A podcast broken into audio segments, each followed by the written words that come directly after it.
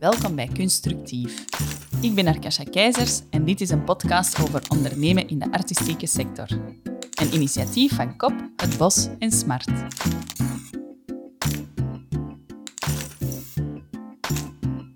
Welkom allemaal in deze aflevering van de Constructief podcast. Vandaag hebben we het over prijszetting. Rond de tafel vandaag zitten illustrator en zeefdrukker Charlotte Dumortier, kunstenaar Frederik Liesen en galerijhouder Bart van der Biezen van Base Alpha Gallery in Antwerpen. Charlotte, ik ga bij jou beginnen. Ehm, jouw werk bevindt zich op de scheidingslijn van toegepaste kunsten en vrijwerk. Um, we kennen jou van je kenmerkende illustraties in de kranten Morgen, uh, maar ook van campagnes, muurschilderingen en natuurlijk de Protjes-poster, uh, die, die, het uh, zelfs tot aan de toiletten van Pukkelpop heeft gemaakt. Um, maar je maakt ook vrijwerk en je bent organisator van Festival Tekenpudding.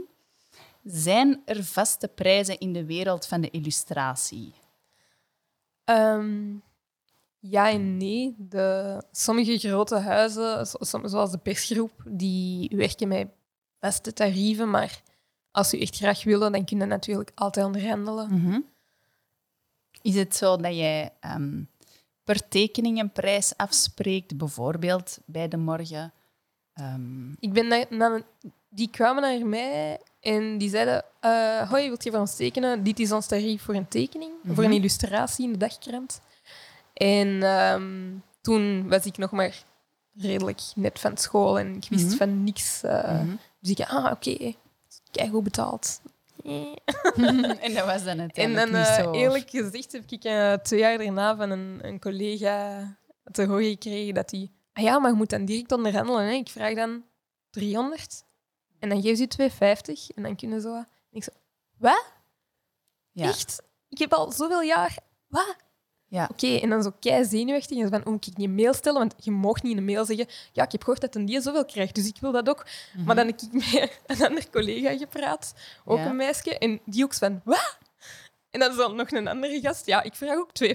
En zo, wat is dat? De vrouwen verdienen minder. Maar gewoon omdat we het niet hebben gevraagd. Ja. Maar omdat we niet wisten dat dat een optie was. Ook. Allee, in hoeverre li ligt dat in je handen? Nu weet ik, oké, okay, uh, je moet jezelf als beginneling ook wel een beetje bewijzen en ze willen nu ook wel hebben. Mm -hmm. um, als je een wat grotere naam bent, dan kunnen zeggen van het de zot. 250 is het minimum, eigenlijk 300 of zo. Mm -hmm. Maar ik dacht toen heel erg van ja, oké. Okay. Ik had toen ook al een paar keer deksel op mijn neus gehad dat um, klanten mijn super iets te mager uitgerekende prijs was en zo. Dat je zelf allemaal wat afschaaft omdat je denkt, ja, doe daar twee uur over, maar een echte zou dat op anderhalf uur doen. Ah ja, en dan zo, zo bouw je prijs zo op in je hoofd en zo mega onzeker. En zo, oké, okay, oké, okay, ik ga dat vragen. En dan zo, ah, oei, ja, nee, dat is wel veel te veel. Bam, opdracht weg. Als je dat een paar keer hebt gehad als je begint, mm -hmm. wow, dat, dat is, allee, dat, dat prijs zetten is voor mij nog altijd moeilijk eigenlijk. Ja.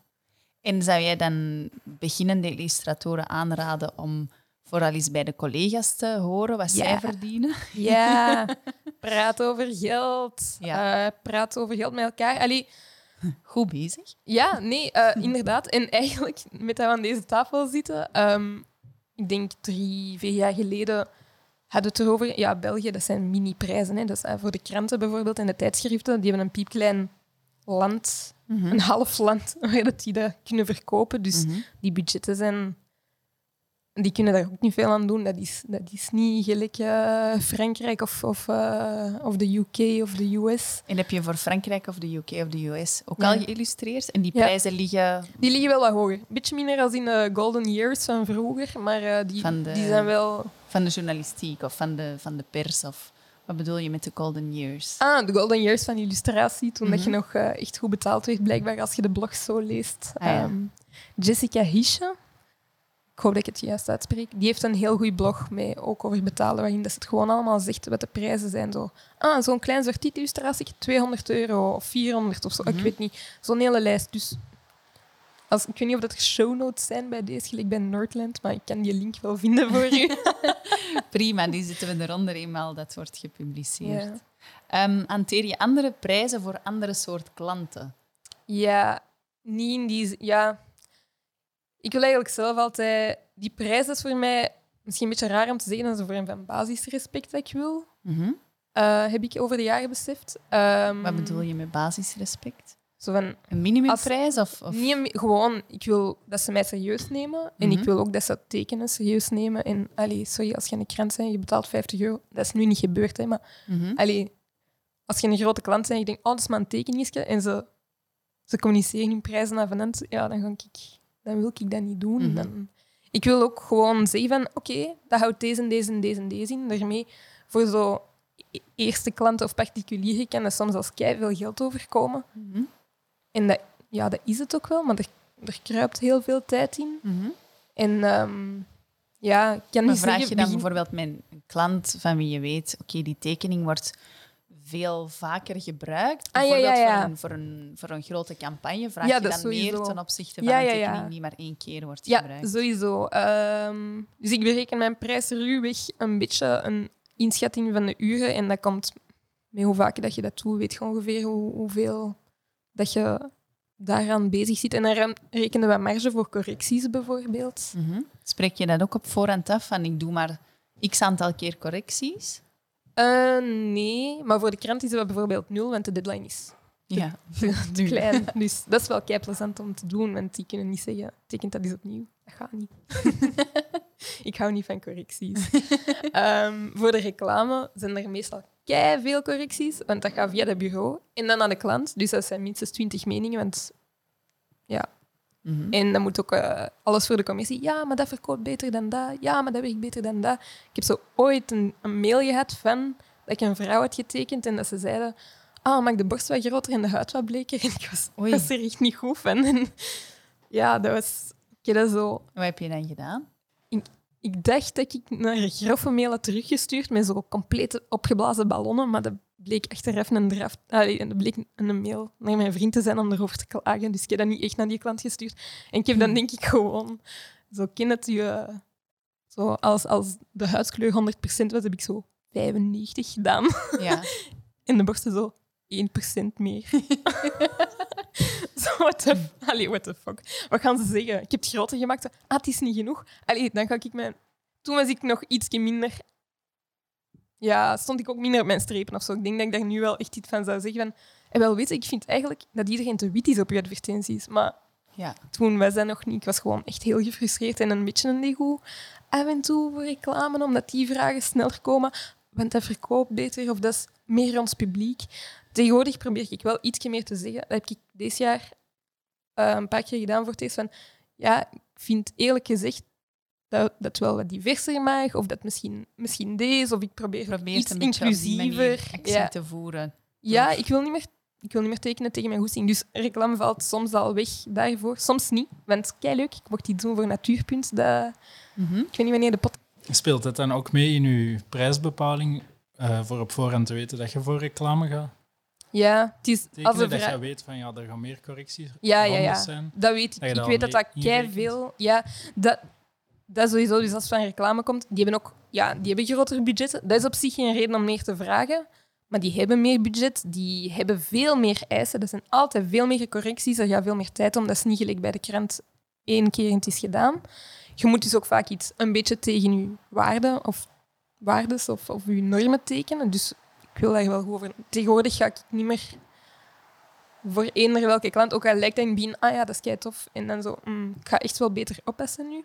En ehm, iemand, Django had dat een keer gezegd, die is wel een beetje met de prijzengoeroe, want die denkt iets commerciëler als mij. Of, allee, of realistischer met geld, laten we het gewoon zo noemen.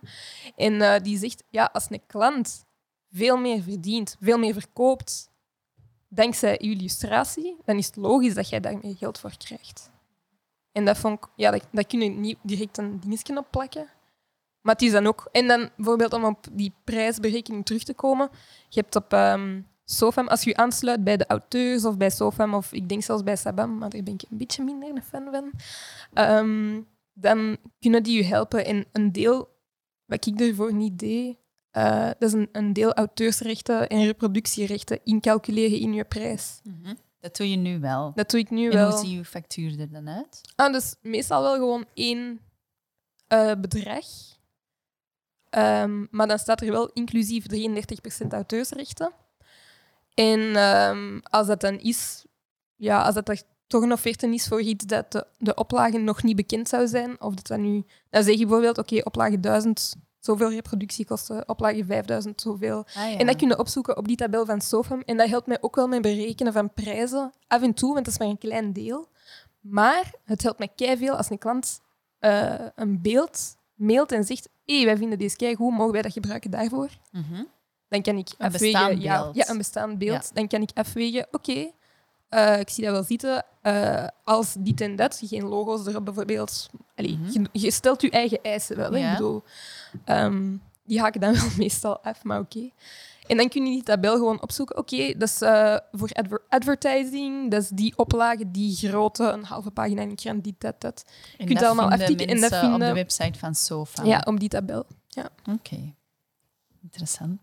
Dus auteursrechten. Ja, echt gebruik van maken. Als ehm, een klant een prijs voorstelt die jij niet hoog genoeg vindt, die jij te laag vindt, ehm, hoe ga jij er dan over onderhandelen? Ehm,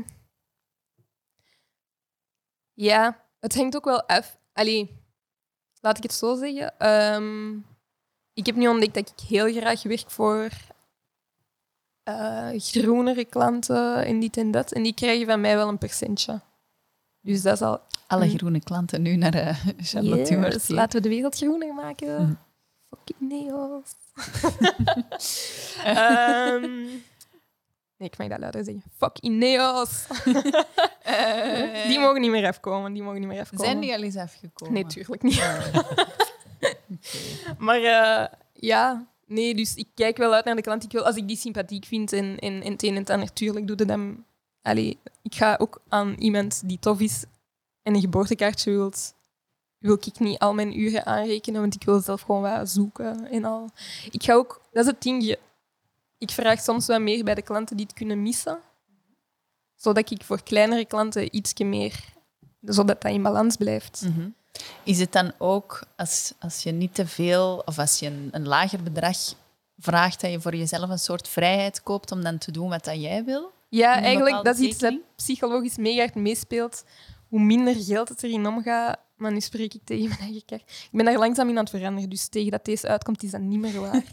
maar hoe minder hoog het bedrag, hoe minder verwachtingen of stress dat ik voel en hoe vrijer mijn tekeningen en soms wel mooier. Maar tegenwoordig wil ik die vrijheid en, en, en alles gewoon in mijn vrij werk steken. Dus voor klanten, ja, ik zeg het, dat is een, een vorm van basisrespect dat je mensen correct betaalt. Dus ook, ik moet die, die prijzen ook hoog genoeg eh, krijgen. Ik moet de, de klanten educaten, zoals ze zeggen.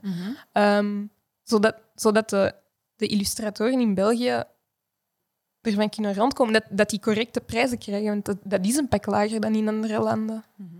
En je kunt je ziet die Ja. rol voor jezelf ook weggelegd. ja, ja, ja. Ik wil, ik wil, daar echt, ik wil dat gesprek opentrekken onder illustratoren. Ik, wil, ik weet dat ik zelf fouten heb gemaakt in het begin uit onzekerheid, maar praat er. Ik ben echt voor zo van die hele grote opdrachten, want illustratie is zo... Ja, waarschijnlijk al die andere dingen zijn ook zo eh, custom, op maat. Het hangt van zoveel af, van deadline, van, van alles. Van grootte, van techniek, whatever. Ehm, voor een hele grote opdracht die dat ik nog nooit heb gedaan. Bijvoorbeeld eh, de eerste keer dat ik een, een animatie moest maken of eh, character design voor een animatie, dan weet je dat in het begin niet. En dan bel ik gewoon naar Django Jim, naar Shamisa. naar- en die zeggen soms gewoon, eh, zot, doe maar twee. Omdat Mhm. ik zo gierig reken af en toe. Mhm. Ehm, Uit voorzichtigheid. uit voorzichtigheid en uit misschien onzekerheid en zo. Dat begint de laatste tijd wel echt te veranderen, maar het is wel... En de klant mag ook... En dat is ook een stom ding. Eens dat je genoeg begint te vragen, begin te merken dat sommige klanten je meer respecteren. Mhm. Terwijl dat je gewoon kei Ja. eerlijk en open en transparant probeert te zijn, merk je soms van... Als ik zo perfect uitreken dat ik niet te veel vraag, dan heb je soms meer... Ah ja, kun je dat toch nog aanpassen? Ah ja, deze aan Mhm. dat. Terwijl als je direct bonk genoeg vraagt Mhm. en een beetje incalculeert, dan is het soms... Ja, dat is zo de rare psychologie van geld en... Mhm. Dat als je meer vraagt, dat je dan meer gerespecteerd wordt. Maar zou je dat kunnen doen zonder dat je een naam hebt? Allee, zonder dat je al iets of Ah. wat bekend bent? Ja, dat Om weet ik. Bonk ineens eh, hoog Ik genoeg denk-? Ik dat de psychologie van geld zo werkt dat als ze vragen aan iemand: Ah, eh, jij maakt dus dat en dat. En je vraagt. En je, ja, goh, welk voorbeeld? Ja, als je dan direct genoeg vraagt, dat je dan wel serieuzer wordt genomen dan dat je denkt, ah ja, maar dat is, oh, dat is een particulier en die heeft niet veel geld. Ik zei, ah ja, en ik, alleen je kent die mens niet eens, dus dat is niet eens vriendendienst of zo. Je denkt, ah, ik zal gewoon, oké, ik zal 120 vragen, maar een professional zou 200 vragen pakt. Maar als je dan 250 zegt, dat ze je dan soms wel serieus... Oké, sommige mensen gaan zeggen, oké, nee, eh, dat is te veel, dat moet niet. Maar sommige, en in bedrijven, heb ik soms een indruk dat ze je dan serieuzer nemen. Maar ik vind dat zo uh, smerig om dat zo te spelen, dus... Maar ik weet het niet. Tegelijk, af en toe wilde gewoon zo'n deal binnenhalen, zodat je minder zorgen moet maken voor al je andere opdrachten. En als daar is wat minder is, dat je kunt zeggen, allee, het is goed. Of als het budget wat minder is bij andere klanten en je wilt toch graag voor een werken, kun je ook gewoon zeggen, oké, maar dan niet in kleur, of dan niet dat, of dan uh, minder correcties. Dat is een goede altijd. Of... Allee, dat is het leuke. Ja, je kunt, je kunt gewoon alles op maat aanbieden. Mhm. Ik ga je eigen vraag eens terug aan u stellen, Frederik. Um, ja, jij bent kunstenaar, je maakt beeldende kunst. Hoe zit dat in jouw wereld? Is dat zo dat als je als kunstenaar meteen een bepaald bedrag voor ogen hebt, um, als je je schilderijen in jouw geval uh, verkoopt, dat je dan serieuzer wordt genomen? Um, uw vraag nog eens stellen, denk ik. Uh, het was, het was dezelfde vraag als, als die aan Charlotte. Ja, of je serieuzer wordt genomen. Ja, als je meer vraagt. Uh, goh, ja, dat is bij mij misschien juist nog net iets anders, omdat, omdat ik mijn werk buiten maak in, in de publieke ruimte en dat is op zich gratis of, of voor iedereen altijd te bezichtigen en, te, en te consumeren. Uh, dus misschien ligt dat. Uh, maar dan is het misschien de interessante vraag aan jou. Is het moeilijk om een bepaald bedrag te plakken op een schilderij dat in de openbare ruimte heeft gehangen? Want je maakt vaak, je maakt vaak werk in de openbare ruimte, op um, panelen die uh, op dat moment aan een bouwwerf staan en nergens toe dienen, maar waar dat wel heel veel mensen voorbij komen. Um, en die werken gaan dan nadien naar de galerij. Uh, ja, maar ik gebruik dat meer echt als een, als een atelier en als een, uh, als een werkplek waar dat ik voorbij kom en waar dat ik uh, ja, sommige dingen soms laat betijen en ehm, dan nadien eens op terugkom. Dus dat wil ook helemaal niet zeggen dat hetgeen dat buiten getoond wordt of, je, of er is, dat dat per se af is of dat dat voor mij ook uh, klaar is of zo. En ik denk dat dat uh, iets eigen is aan, uh, aan een kunstenaar om te zeggen op een bepaald moment van um, ja, nu is het, allee, om dat te kaderen en om te zeggen van um, deze is het idee en nu is het af. en dat is eigenlijk pas um, ja, op een bepaald moment ja, voor mij dat ik beslis dat, dat ik dat uit de ruimte neem of dat ik dat ga documenteren. Um, om dan te zeggen van ja, nu is het interessant en nu is het uh, iets dat later ook uh, ja, nog gebruikt gaan worden of zo. Dus um, ja, het is heus niet zo dat alles wat dat er dan verschijnt van mij, dat ik daar ook helemaal achter sta of zo. Dus want het is eerder een een, experiment? Eh, nee, nee, het is een werkplek. Uh, mm -hmm. dat is je schetsboek. Heel de stad is je schetsboek. Ja, schetsboek is misschien ook wel... nee, nee, ik weet niet. maar om, om terug te komen op de... Want je hebt onlangs een, een solo-expo gehad, waarin dat, zo goed als alle, of misschien zelfs alle schilderijen zijn verkocht. Um, die kwamen ook, of een deel daarvan kwam ook uit de openbare ruimte. Hoe ben jij aan de slag gegaan om die prijzen te bepalen? Van die schilderijen? Uh, ja, door, ik ben wel al langer bezig met tentoonstellen en um, ook mijn werk aan de, aan de man proberen te krijgen of er een prijs op te zetten. Dus dat is voortgaand op dat. Dus eh, een aantal jaren, of, of, toch al tien jaar of zo, dat je toch tentoonstelt en dan ja, je prijs gestaag opvoert. Of naarmate dat, naar dat, uh, de kwaliteit of zo, of dat je er meer achter staat, dat je dat is wel meer bepaald, denk ik. En dan uh, de grootste stap daarin was dan toch wel via de, om via de galerij te werken en dat ook op een of andere manier los te laten. Um, dat het financiële deel meer voor u wordt geregeld. Ja, maar natuurlijk is dat in samenspraak mm uh, gebeurd, maar ook uh, meer met het idee van ja, dat zijn mensen met, met know-how en dat weten hoe, um, ja, hoe dat ze dat naar, naar buiten moeten brengen. Eh, gezien dat het ook een eerste keer was voor mij om dat te doen. Mm -hmm. de solo dacht expo. Ik, ja, dacht ik dat dat wel... Um, vers, ja, dacht ik ook wel dat ze er verstandig mee zouden omspringen en dat dat ook niet zo is van ja, uh, die gaan we nu echt eens uh, hypen en gaan we nu echt ineens 10.000 euro op plakken op een schilderij bijvoorbeeld. Mm -hmm. um, waardoor dat die denk ook bewust wel hebben gekozen om die prijzen iets lager te, um, te houden, om dat zo ook ja, heel democratisch, allez, min of meer democratisch te houden voor, en toegankelijk voor, voor heel veel mensen. Mm. Bart, dan ga ik eens even naar jou. Jij bent, um, je bent galerist. Um, van Base Alpha Gallery. Is dat belangrijk om een kunstenaar gestaag te doen groeien? Om die prijzen stap voor stap te doen stijgen? Hoe, hoe zit dat? Uh, volgens mij is dat heel belangrijk dat je, zeker bij jonge kunstenaars, eerst een spreiding van het werk uh, in gang zet. Dat er uh, verschillende mensen dat zien, kopen, bij hun thuis hangen en zo bekendheid genereren. Als je te snel een te hoge prijs gaat plakken, dan kan het zijn dat je het ook gaat verbranden voordat het beginnen bloeien is. En zulke dingen gebeuren tegenwoordig bij jonge kunstenaars, dat die ineens hele hoge prijzen uh, gaan. Maar daar zit dan hoogstwaarschijnlijk ook een heel ander systeem achter. Bepaalde galeries kunnen zich ook andere normen permitteren. maar bij mijn niveau is het wel uh, belangrijk dat er eerst een, een, spreiding komt en dan een groei. Mm. En spreiding bedoel je met dat die schilderijen of andere kunstobjecten bij mensen thuis hangen en dat, dat die zo gekend worden? Ja, bij mensen thuis of in collecties terechtkomen, museale collecties of privécollecties. Uh, maar dat er gewoon meer mensen daarmee vertrouwd geraken om dan uh, door te groeien. En op welke manier worden die prijzen bepaald? Um, wat is het, hoe wordt het cijfer dat op een schilderij wordt geplakt, hoe wordt dat erop geplakt? Met welke dingen dien je rekening te houden? Um, er zijn dingen zoals het uh, parcours van de kunstenaar.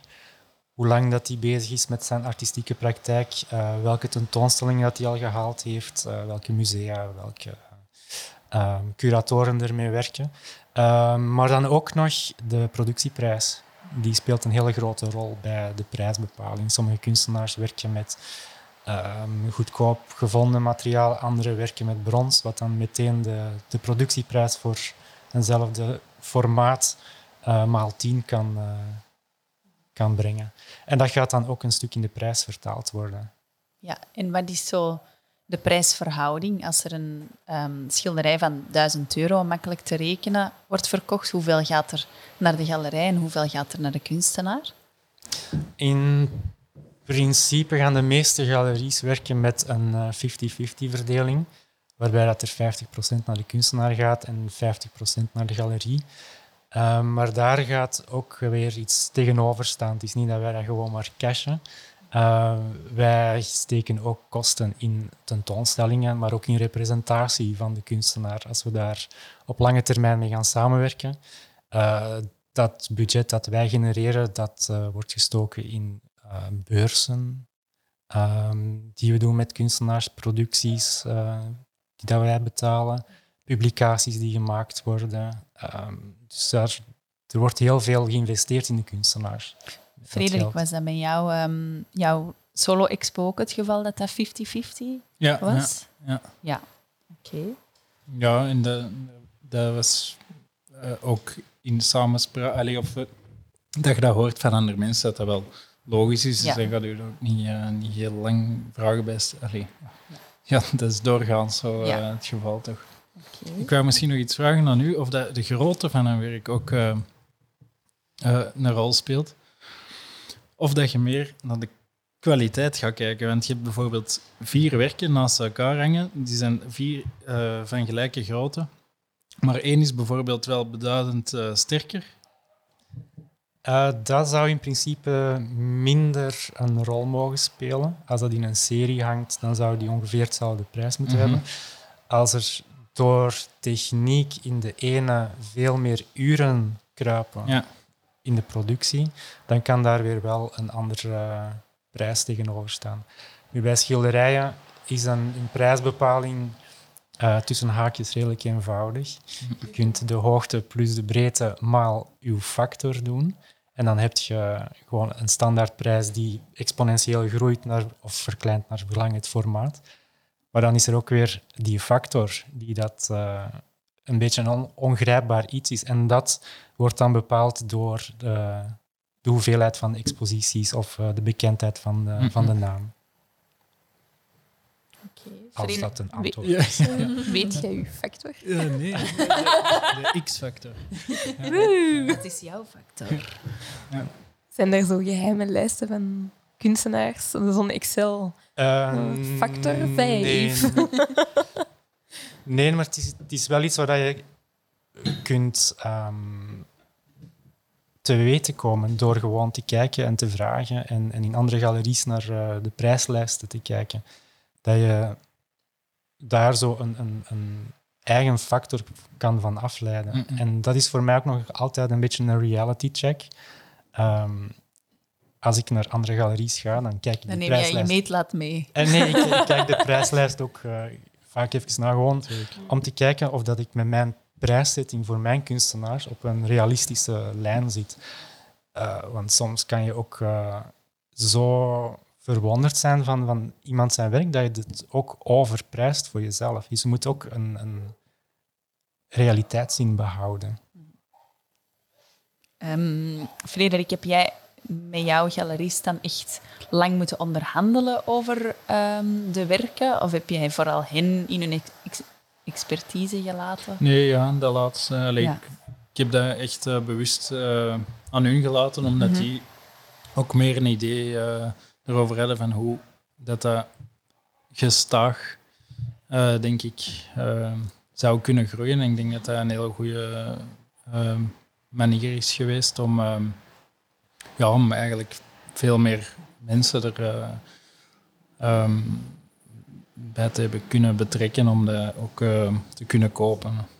Dus ik ben, ben eigenlijk heel blij dat dat um, redelijk laag geprijsd is gebleven of zo. Dus, uh, maar ik heb hun dat volledig eigenlijk, uh, en ik was er eigenlijk uh, heel direct akkoord mee. Aan de andere kant is dat wel zo, ja, elk werk of zo dat je heel graag wil tonen, of dat je belangrijk vindt om te tonen, is wel zo een, een babyke of zo.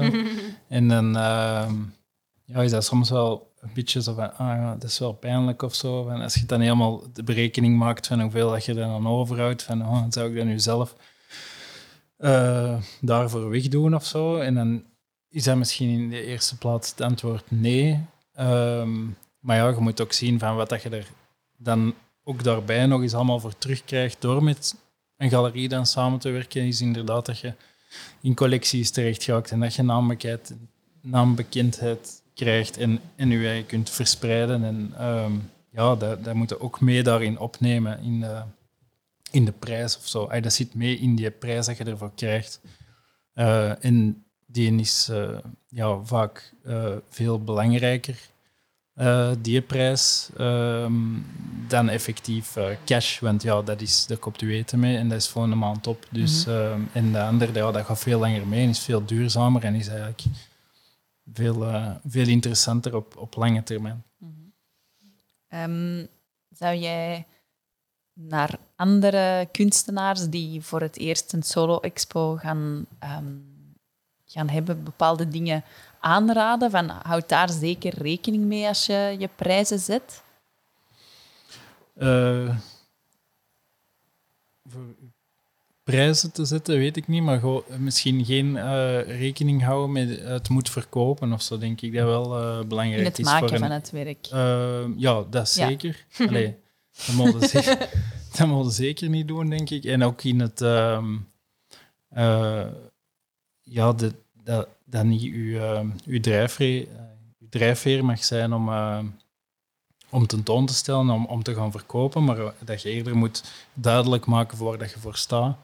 Uh, en wat, dat je, wat dat je maakt en dat als, als primair ding voorop stellen en dat, ja, dat het dan als het dan opgepikt wordt en ook nog verkoopt, ja, dat is, dat is mooi meegenomen. Maar iets dat andersom werkt en dan wel verkoopt, maar dat niet duidelijk is ehm, van wat, wat dat je eigenlijk doet, uh, ja, dat is ook weer al van korte duur en ook helemaal niet duurzaam. En, en ja, dat blijft ook niet marcheren, dan, want dan is het ook gewoon binnen vijf jaar ook gedaan, denk ik. Als er dus, een verhaal achter zit. Ja, ja en dan, allez, ik denk dat je echt... Uh, je moet uittrekken uh, over een, uh, een, langere tijd. En ja, het, het komt ook niet, um, niet van 1, 2, 3. Ook niet dat je met een galerie kunt samenwerken, denk ik. Ja, in sommige gevallen natuurlijk wel.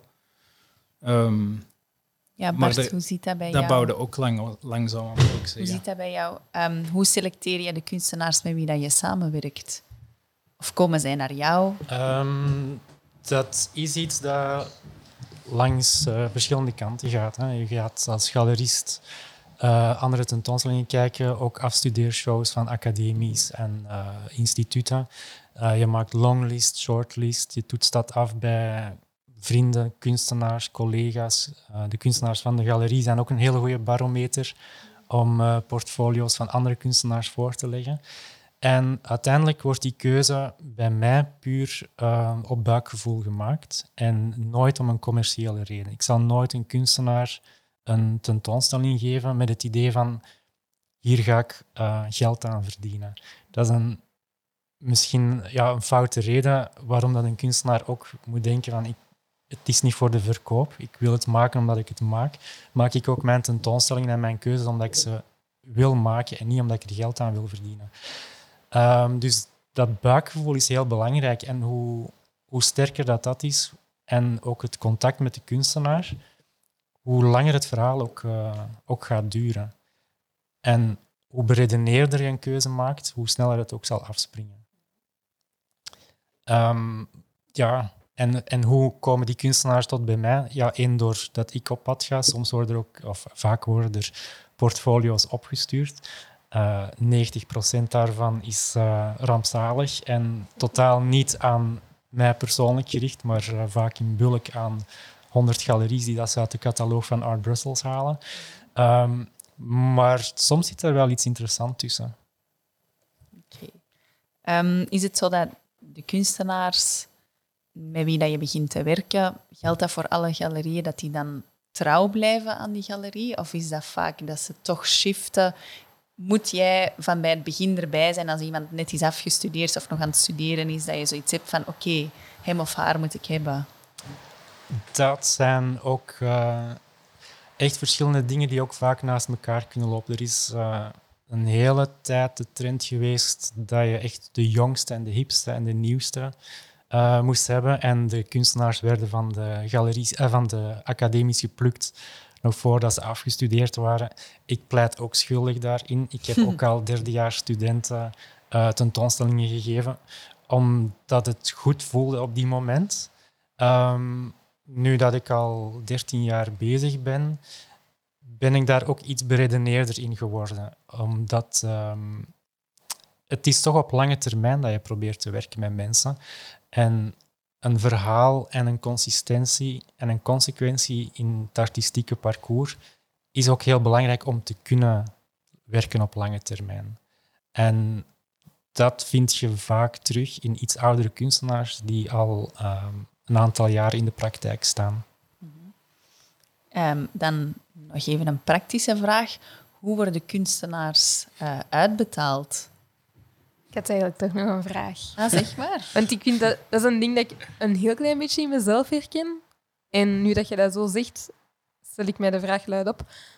Als je jong bent, heb je ten eerste nog niet zoveel geld nodig om rond te komen. En dat geeft zoveel minder druk op je schouders om je te ontwikkelen in je puurste zin, dan wel zodra dat er geld bij komt zien. En dat is een vrijheid die, ik weet niet, die iedereen wel... Zo, ik wil aan iedereen zeggen, uh, tekenaars, kunstenaars, allee, kunstenaars weet ik niet, ik, ik ga het gewoon aanraden. Um, die vrijheid die je in het begin hebt, voordat je een naam hebt en dat je veel verdient en een reputatie en eender wat, dat is, dat is, dat is kei...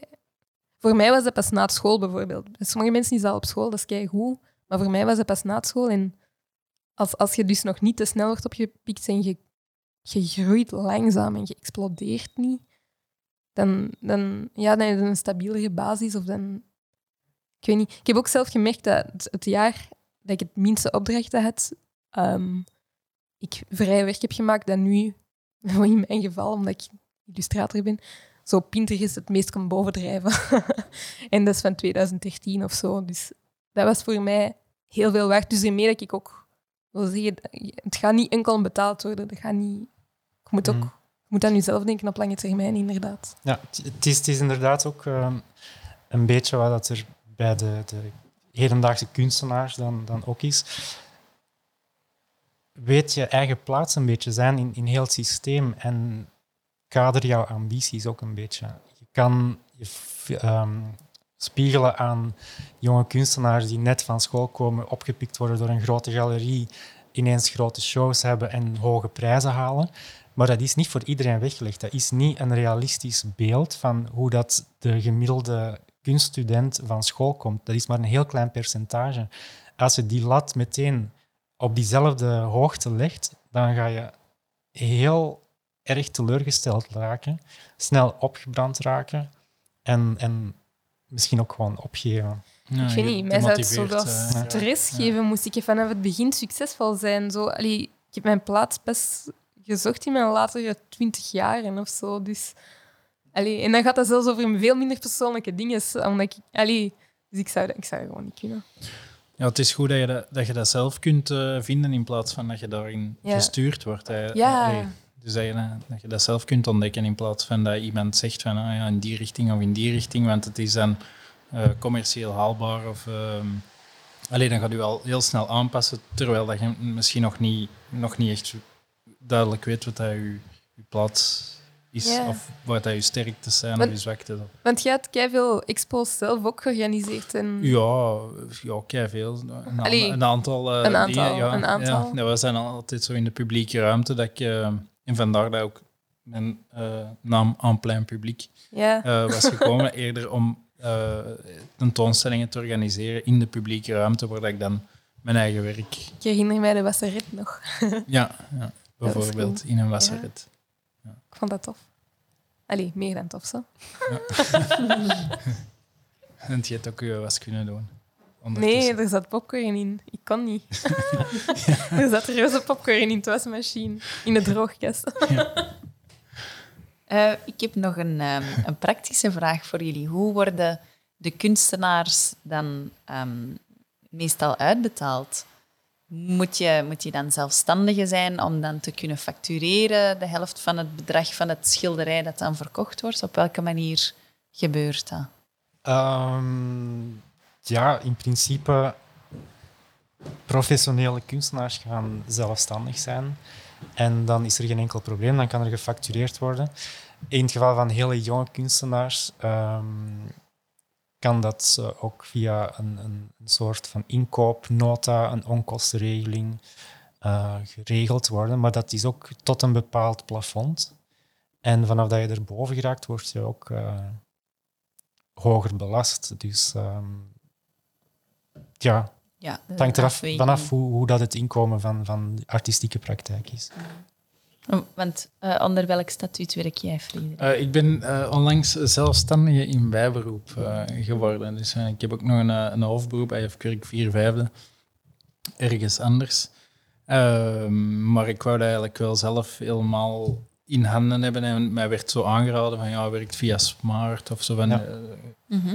of zoiets. Maar ik wou eigenlijk helemaal, ja, ik wou eigenlijk helemaal zelf eh, netjes voor mij hebben en ook kunnen factureren. En ook omdat ja, je hebt dan daar een opdracht en daar eh, een tentoonstelling of zo en, en vergoedingen voor dit en dat. En het is wel tof als het allemaal samenkomt en dat je dat dan niet nog eens moet uitbesteden en daar nog wat procenten gaan afgeven. En daar, Mhm. hey, dat wordt ook zo'n beetje een soep en het is wel tof als het allemaal gecentraliseerd is en dat je dat ja, in, je, in, in één kaft kunt.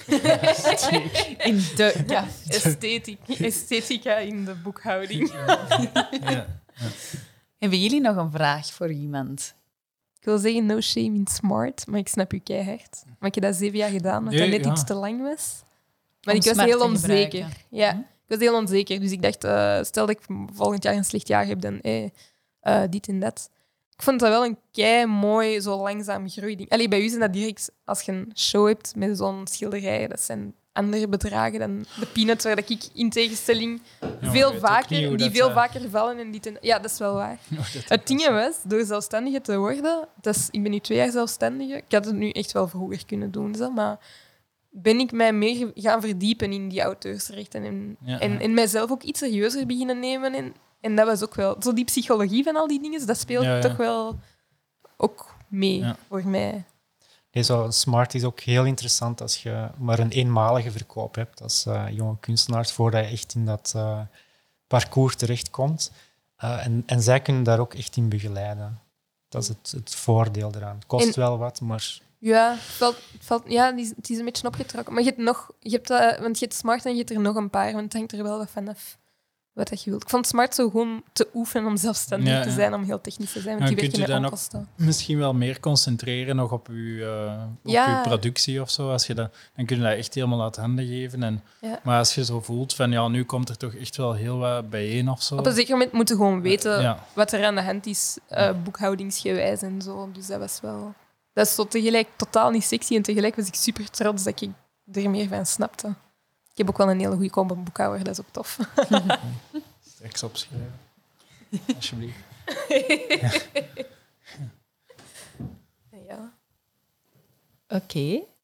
Als jullie ehm, geen vragen meer hebben aan elkaar en ik ook niet voor jullie, dan denk ik dat we rond zijn. Bart, ik zie jou nog even twijfelen. Ik ben even over de vragen aan het gaan. Ja.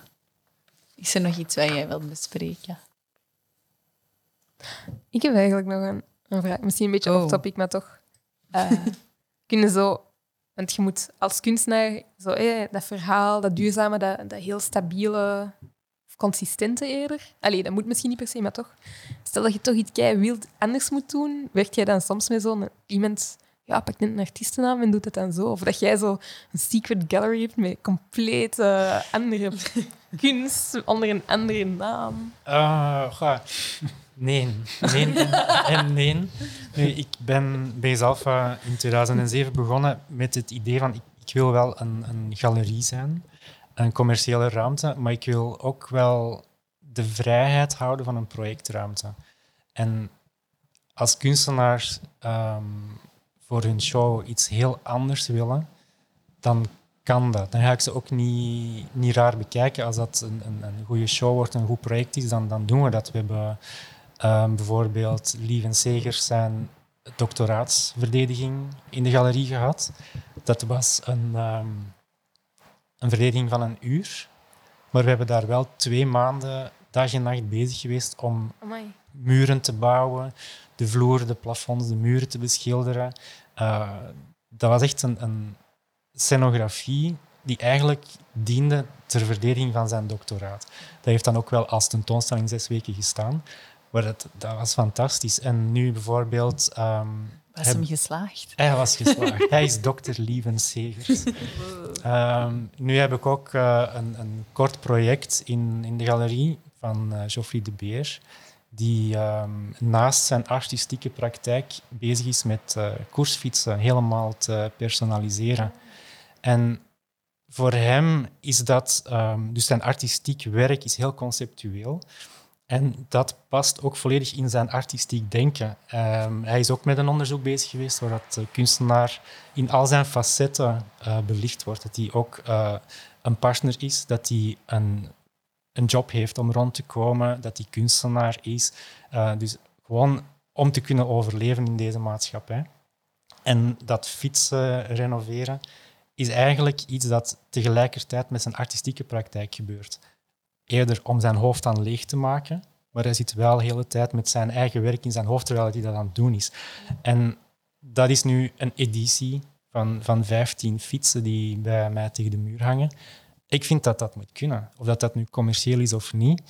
Uh, een raar project of, of een, een, hoge of een highbrow tentoonstelling. Als er interesse is en, en er wordt over gesproken en, en er komen mensen kijken en ze vinden het fijn, dan is dat uh, een geslaagd moment. Dus ik probeer het ook vrij te houden voor mezelf. Om er fun in te blijven hebben. Ja, dat lijkt me soms moeilijk als je zo... Als al die bedragen en die namen en die reputatie hoger begint te komen. Geld verdienen is ook leuk. Dat moet ik nog Dat leren. kan ook verslavend worden. Ik vind dat heel moeilijk. Ik vind dat heel moeilijk. Ik hou van... Ik zit nog half in een DIY-zine community en zo. Dus ik vind, ik vind dat soms een moeilijke spreidstand. En ik hou van die no-stress van geen geld voor persoonlijke projecten, hè, natuurlijk. Ehm daarmee dat de klanten wel moeten betalen. Maar als ehm, eh, een kunstenaar naar u komt met een project dat totaal niet commercieel is, ja, oké, misschien dat van, eh, van Lieven misschien bijvoorbeeld een- zo'n voorbeeld is, maar dat van eh Geoffrey de Beer is dan wel commercieel, denk ik, op, op een of andere manier. Mhm. Maar dan gaat je die niet echt proberen te sturen van ja, misschien moeten we toch proberen om een beetje toegankelijker te zijn, eh, huiskamervriendelijk, laat ik maar zeggen. dat is echt nooit een, een, een basis geweest om iets te tonen, hè, het commerciële. En er zijn ook eh, dingen die aan uw cv werken als galerie. Ja, ja. Ehm, Ilke de Vries, die met sociaal geëngageerde eh, documentaires ehm, artistiek werk maakt. Ja, dat is commercieel gezien totaal onmogelijk om dat te verkopen buiten institutioneel. Maar dat was voor mij in het begin ehm, heel belangrijk om dat werk wel te tonen. Mhm. Om aan mijn serieus als jonge galerie te werken. En dat is dan een investering van mij in mijn eigen galerie, om zulke Ja. mensen ook een, eh, een platform te geven. Dus net zoals kunstenaars die traag moeten groeien en aan hun reputatie moeten werken en niet voor het snelle geld gaan, Ja. is dat voor galeristen hetzelfde. Hetzelfde. Ja. Ja. Je Ja. kunt heel snel pieken. Je kunt ook heel snel eh, van die top naar beneden vallen. Ehm, je kunt traag groeien en 40 jaar blijven werken en dan als een Zeno X of een eh, Zwarte Panter komen bovendrijven. Eh, ja, ieder moet zijn eigen parcours eh, zoeken en ik vind voor mezelf ook eerder een trage groei belangrijker, maar een stabieler eindresultaat. Dat is een mooie om mee te eindigen. Ehm, dan wil ik eh, jullie alle drie ontzettend hard bedanken om ehm, hier rond de tafel alles over jullie prijzen te komen zeggen, wat toch niet altijd een gemakkelijk onderwerp is. En eh, dan hoop ik, beste luisteraar, dat jullie de- er de volgende keer ook weer bij zijn. Merci allemaal. Dank. Salut, Ja. salut. Deze aflevering van Constructief hadden we het over prijszetting van artistiek werk. We geven jullie samenvattend graag nog een paar tips mee. Sommige prijzen, zoals voor het maken van een illustratie bij een bepaalde krant, staan min of meer vast. Maar als je overuren maakt of meerdere correcties moet doen, aarzel dan niet om nog eens over de prijs te onderhandelen. Aan merken die meer verdienen met jouw illustratie kan je ook meer vragen. Voor je aan je onderhandeling begint, spreek dan even met mensen uit je netwerk en hoor hoe zij dit aanpakken. Houd bij het opmaken van je factuur rekening met auteursrechten en reproductierechten en leg het aantal correctierondes vast, zodat je je hier niet aan mispakt. Wat de kunstenwereld betreft, wanneer een galerist je als jonge kunstenaar aanspreekt om je aan te sluiten bij zijn of haar galerij, begin dan te onderhandelen vanaf dat moment. Bepaal samen een prijs die jullie beiden realistisch vinden. Geef het ook tijd om op te bouwen. De prijzen stijgen door in de jaren en naarmate je meer ervaring hebt en meer verkoopt. Begin liever met een schappelijke prijs. Dat is eerder een garantie op een lange, vruchtbare loopbaan als kunstenaar. Als je je werk in het begin al erg duur prijst, wordt het moeilijk om nog te groeien. Bedankt om te luisteren. We horen elkaar weer bij de volgende podcast.